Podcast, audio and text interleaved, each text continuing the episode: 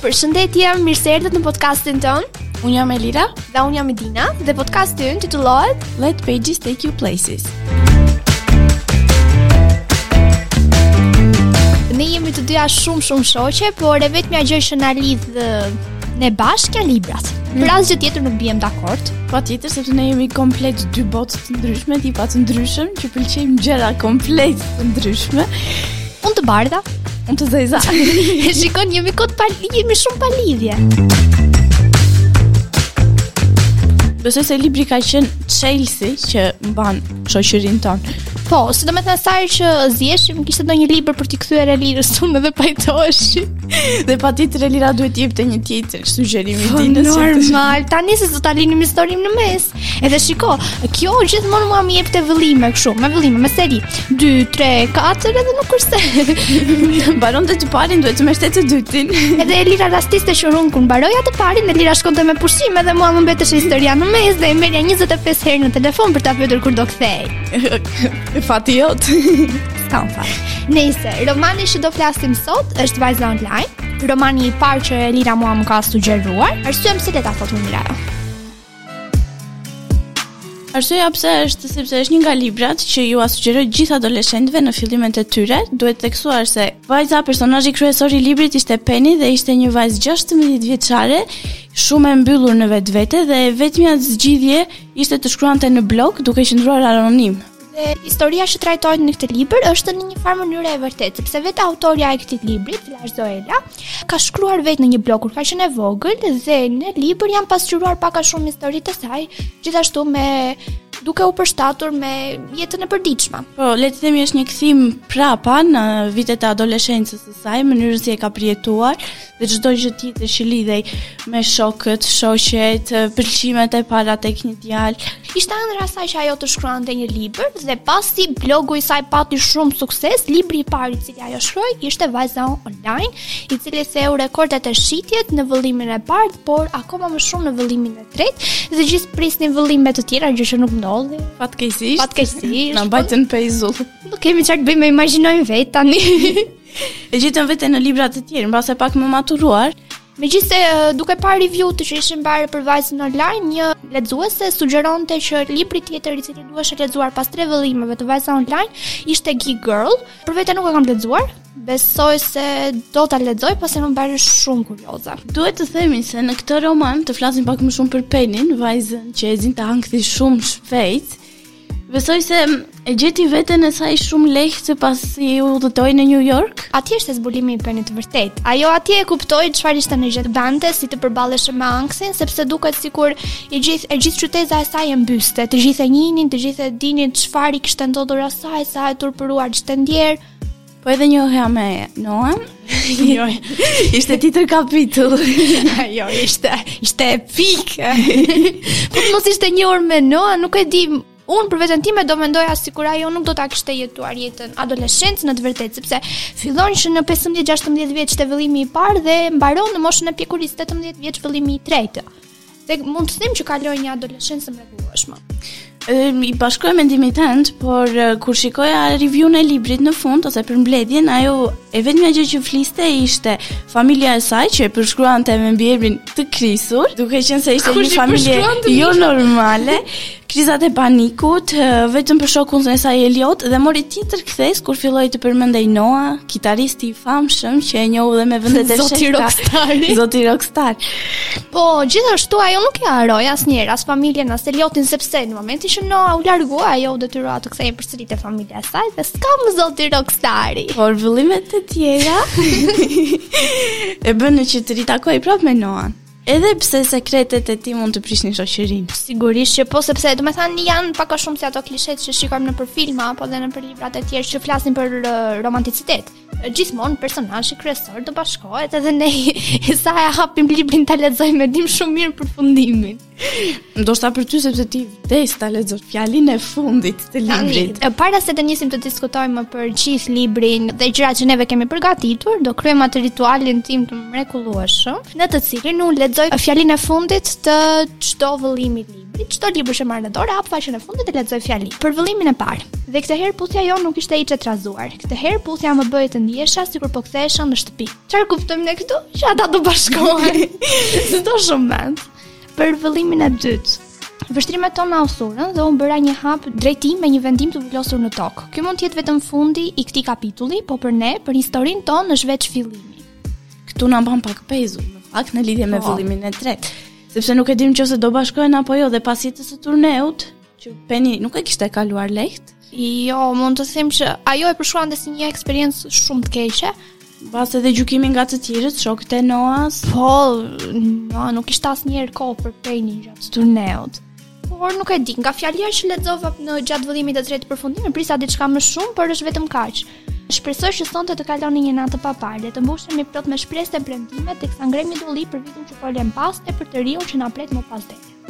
Këtu ishte përfundimi perfekt. Këtu ishte përfundimi perfekt. Çdo gjë kishte shkuar në vijë dhe Penny po jetonte jetën e saj më të bukur. Them të drejtën kur e lexova fjalinë e fundit në fillim, mendova që do ishin bashkuar dhe thashë që Penny mund t'ia kishte dalë shumë mirë edhe vet pa pa Noan. Çdo vajzë është e vendosur, mund të arrijë gjithçka vet, nuk ka nevojë që të ketë një djalë në krah. Besoj se vëllimi i tretë ishte më shumë një periudhë e shkurtër që Penny njohu veten e saj.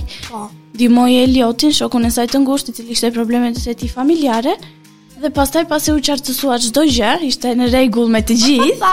u shfaq Noa përsëri. Mund të them që mori prapë vëmendje. Shumë vëmendje dhe nuk e di kthimi i Noas si mendon, ishte i domosdoshëm apo një klishe e këtyre librave. Besoj se për lexuesit ishte i domosdoshëm. Duke oh. ishin në fillim që Penny dhe Noah, le të themi në thonjëza ishin bërë për njëri-tjetrin. Nuk e di pse unë mendoj shumë si klishe se tani ajo sa filloi që të njihte një djalë tjetër, në për, në festën ku ajo po kërcente me atë djalin tjetër, shfaqet Noah dhe gabimisht i derdh pijen. Ndoshta për të rënë në sy? Nuk e di. T'i kujtuar që ishte përsëri ashtu. Po ato 3 muaj që nuk hapte telefonin, nuk nuk përgjigjej mesazheve. Besoj se dhe ajo ishte një koç. E thashë dhe më përpara që të dy të njihnin më shumë veten e tyre dhe pastaj të vendosnin të bënin hapin e madh. Ë, nuk e di. Mua për vete m'u duk më shumë si një klishe e këtyre librave, por përsëri ishte histori shumë e bukur. Me të vërtetë shumë e bukur. Tani ky libër u njësoj siç po debatoj edhe unë dhe Elira, u nuk është se u prit shumë mirë nga të gjithë lexuesit. Disa e pëlqyen, disa jo. Mendimet ishin të ndryshme. Elira do lexojë negativin dhe unë pozitivin. Disa nga review-t më negative mund të ishin për shembull ky libër është absolutisht i tmerrshëm, me shumë klishe dhe në disa raste jo real. Dashuria me shikim të parë, djali misterioz, personazhi i shokut të ngushtë, kthimi i të dashurit të saj duke i derdhur pijen, të cilën Idina e përmendi me shumë inat. Historitë duken sikur janë shkruar nga një fëmijë. Ndoshta duhet të mësosh me dhe të flasësh me fjalë më të avancuara që personat të cilët komentojnë dhe të shkruajnë Jo vetëm që e adhurojnë këtë libër, por që të kritikojnë dhe për shembull Zoe Sugg, vetë autoren e këtij po. libri e kishin kritikuar për gjuhën e saj të thjeshtë që kishte përdorur. Po, komentet ishin shumë absurde që shpreheshin se ajo nuk mund ta quante veten shkrimtare në qoftë se libri më i mirë i saj do ishte Vajza Online, sepse duke qenë se ishte një shkrimtare e re, Vajza Online ishte libri i saj i parë dhe mendoj që ndoshta nuk është pritur aq mirë Besoj se pasaj dy vëllime të tjera e sikur e rregulluan pak. Ka rregulluar punën. uh, gjithashtu, përveç se komenteve që uh, përshkroi dhe review-ja më parë, shumë prej komenteve pozitive ishin që e adhuroj këtë libër, është shumë i bukur, uh, nuk e kam hequr nga dora për ditë me radhë, por kishte dhe review të tjera. Uh, një review pozitive. Një libër i mrekullueshëm i cili përshkruan jetën reale të adoleshentëve. Çdo gjë që përmban është e vërtetë. Ankthi, stereotipet gjinore, bullizmi online, bullizmi ballpërballë në shkollë. Historitë të heqin pas vetes dhe nuk do të jesh në gjendje të pushosh derisa t'i kesh lexuar të tre seritë. E rëndësishmja është që më shumë kishte review pozitive. Po, review pozitive ishin më të shumta dhe sigurisht që libri e kishte vlerësimin nga 5, 4. Ishte bestseller, mund të themi që ishte po, një nga librat po, bestseller po. në New York. Në New York po, edhe megjithëse këtu në vendin tonë, të flasim pak. Shumë veprime që kanë ndodhur Sepse thonë që janë veprime të vërteta. Po. Ka përshkruar historinë. Është jeta reale. Është jeta reale e autores. Këtu në vendin tonë nuk mund të imagjinojmë fare që të ndodhin. Jetojmë në Shqipëri, ndoshta veprimet e Penit ishin paksa absurde, Po, të paplanifikuara. Ne themi që komenti do jetë për ndonjë kënd ndonjë shqiptar. do më pëlqente shumë që t'ju jepja prindërve të mi, sidomos mamit, ta lexonin këtë libër dhe të njihnin pak më shumë se çfarë bëhet me adoleshentët e tjerë. Po e di që nuk do ndryshonte mendimi. do thoshin që, po, te ne është ndryshe, të gjithë rriten më ndryshe. Mënyra e jetës. Mënyra e jetës. Lili. Kur po përgatisja pyetjet këtë po mendoja. Është shumë ndryshe dhe këtu janë veprime që ne as nuk mendojmë, as nuk na shkojnë nëpër mend që mund t'i bëjmë. Mund të theksoj se edhe disa nga lexueset që ua kam dhënë këtë libër kanë thënë, po Peni si e bëri këtë, po si ia lejoi familja, Po si mund të largohej, domethënë është aq absurde dhe aq e papranueshme për ne shqiptarët.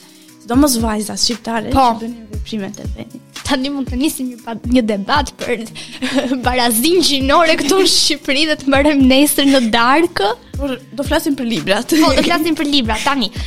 Që ta përmbyllim me mendimin tonë për gjithë këtë libër kaq të bukur, që neve kemi lexuar me shumë qejf që të dyja. dhe jemi konsultuar herë pas here, e kuptove s'e kuptove çfarë u bë, pyet këtë, unë jo që s'tregoja gjë. unë në fakt ia tregoja të tëra.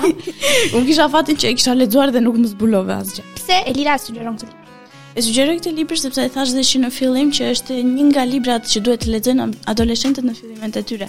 Jo vetëm që të njihen me botën jashtë, me jetën e adoleshentëve të tjerë si në Amerikë, si në Britani, e kudo në botë, por dhe ta gjejnë veten e tyre ndoshta për shembull ka mjaftueshëm adoleshentë që ndihen në ankth, janë nervoz, si peni. Dhe mund të gjejnë në mënyrën e tyre të shkruajnë në blog, të qëndrojnë anonim për të nxjerrë gjithçka. Edhe mund të jetë një si lloj sugjerimi për ta rregulluar gjendjen e po. tyre shpirtërore. Edhe unë do të thoja diçka të tillë sepse e sugjeroj e sugjeroj shumë këtë libër dhe kush më ka pyetur në fillim se çfarë libër do sugjerosh i kam thënë gjithmonë këtë sepse është një hyrje shumë e mirë për të bërë që t'i dashurosh librat e këtij lloj zhanri. Është hyrje shumë e mirë, gjithashtu sepse person ka shumë persona të cilët vuajnë nga ankthi, sidomos mosha jonë, adoleshentët. Ndonjëherë edhe vetë më duket sikur i përjetojnë ngjarjet më keq. Po dhe tregon që nuk je vetëm, sepse shumë shpesh shumë persona, domethënë kam lexuar shkrime online që e bëjnë veten e tyre të ndjehen aq keq sa shumë veta kanë menduar edhe vetëvrasje. Për shembull Penny, nga bullizmi. Po, nga bullizmi patjetër, po. po për shembull Penny ishte shembulli konkret, sepse pasi shkruante në blog e ndjente veten më mirë nga komentet dhe nga fansat që i jepin. Po, dhe gjithashtu. Mbështetje, uh, dashuri. Penny pësoi një aksident të tmerrshëm me makinë. ku ishte një lloj traume. Traume dhe menjëherë blogu ishte ngushëllimi për ta, sepse ajo mund të kishte zgjedhur shumë mirë, që siç ndenji dy javët e para që u mbyll në shtëpi dhe nuk nuk u afrua me botën jashtë, u mbyll vetëm në dhomën e saj dhe mes librave. Mund të kishte zgjedhur ta vazhdonte ashtu gjithë jetën e saj. E ndjeu veten më të shoqëruar dhe jo vetëm pasi lexoi dhe historitë, për shembull, një po. fanse i kishte shkruar që edhe mua kështu më ndodhi dhe po. tregonte historinë e saj. Po nuk ishte vetëm një, ishin disa dhe këtu e bëri penin të ndihej më ngrohtë, më mirë. Është shumë mirë ta dish kur nuk je vetëm. Të dish që ti nuk je vetëm, nuk je vetëm që i ke këto probleme. Ta dish që ka dhe persona të tjerë që të mbështesin, që ndihen njësoj si ty, por që ndoshta gjithë bota tjetër nuk e kupton.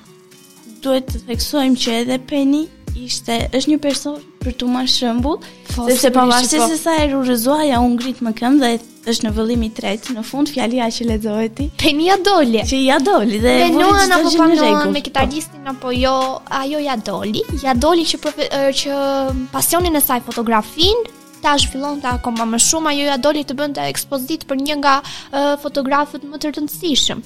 Ia doli që të ndihmonte mamanë e saj që të zhvillonte biznesin, uh, të mbaronte shkollën me rezultate të shkëlqyera, ia doli dhe i bëri gjitha këto uh, duke e mposhtur ankthin. Duke e mposhtur ankthin dhe duke u bërë më, më e fortë për veten, aq e fortë sa arriti të ndihmonte dhe shoqen të cilën e njohu gjatë vizitës në shkollë? Meganit. Në shkollën e Meganit. Po. Unë dhe ishte një ish shoqe që më vonë u bë prapë ish shoqe. Prapë ish shoqe. Libri është përkthyer dhe përshtatur në shqip nga botimet botart, të cilat kanë bërë një punë perfekte, duke mos harruar dhe punën e mirë që ka bërë shtëpia botuese botart për të shpjeguar çdo fjalë të re në fund të faqes dhe duke na dhënë uh, një shpjegim mjaft të mirë për ne lexuesit shqiptar që shumë dukuri dhe vende nuk është se i njohim. duhet shtuar se kishte përshkrimin e autorit dhe tre review që e bëjnë librin më të rekomanduar. Po, uh, ishin review nga New York Magazine dhe disa revista të tjera shumë prestigjioze. Por që të lë një shije shumë të bukur dhe ja u sugjeroj të gjithëve që ta lexoni dhe ta shijoni. Na thoni në qofë se ju ka përqyër këtë libër, lini komentet tuaja, në qoftë se keni ndonjë çështje për të diskutuar, ndonjë debat, ne të dyja gati. Jemi të gatshme, në çdo moment. Po, do ndahemi në dy pjesë, njëra pro, njëra kundër, çfarë të keni për diskutuar, ne do ta uh, diskutojmë këtu në podcastin tonë me shumë kënaqësi. Do të na pëlqente që të bëhej dhe podcasti jonë si një tip blogu, që të prisnim komentet tuaja, njësoj si peni. Do ta mendojmë që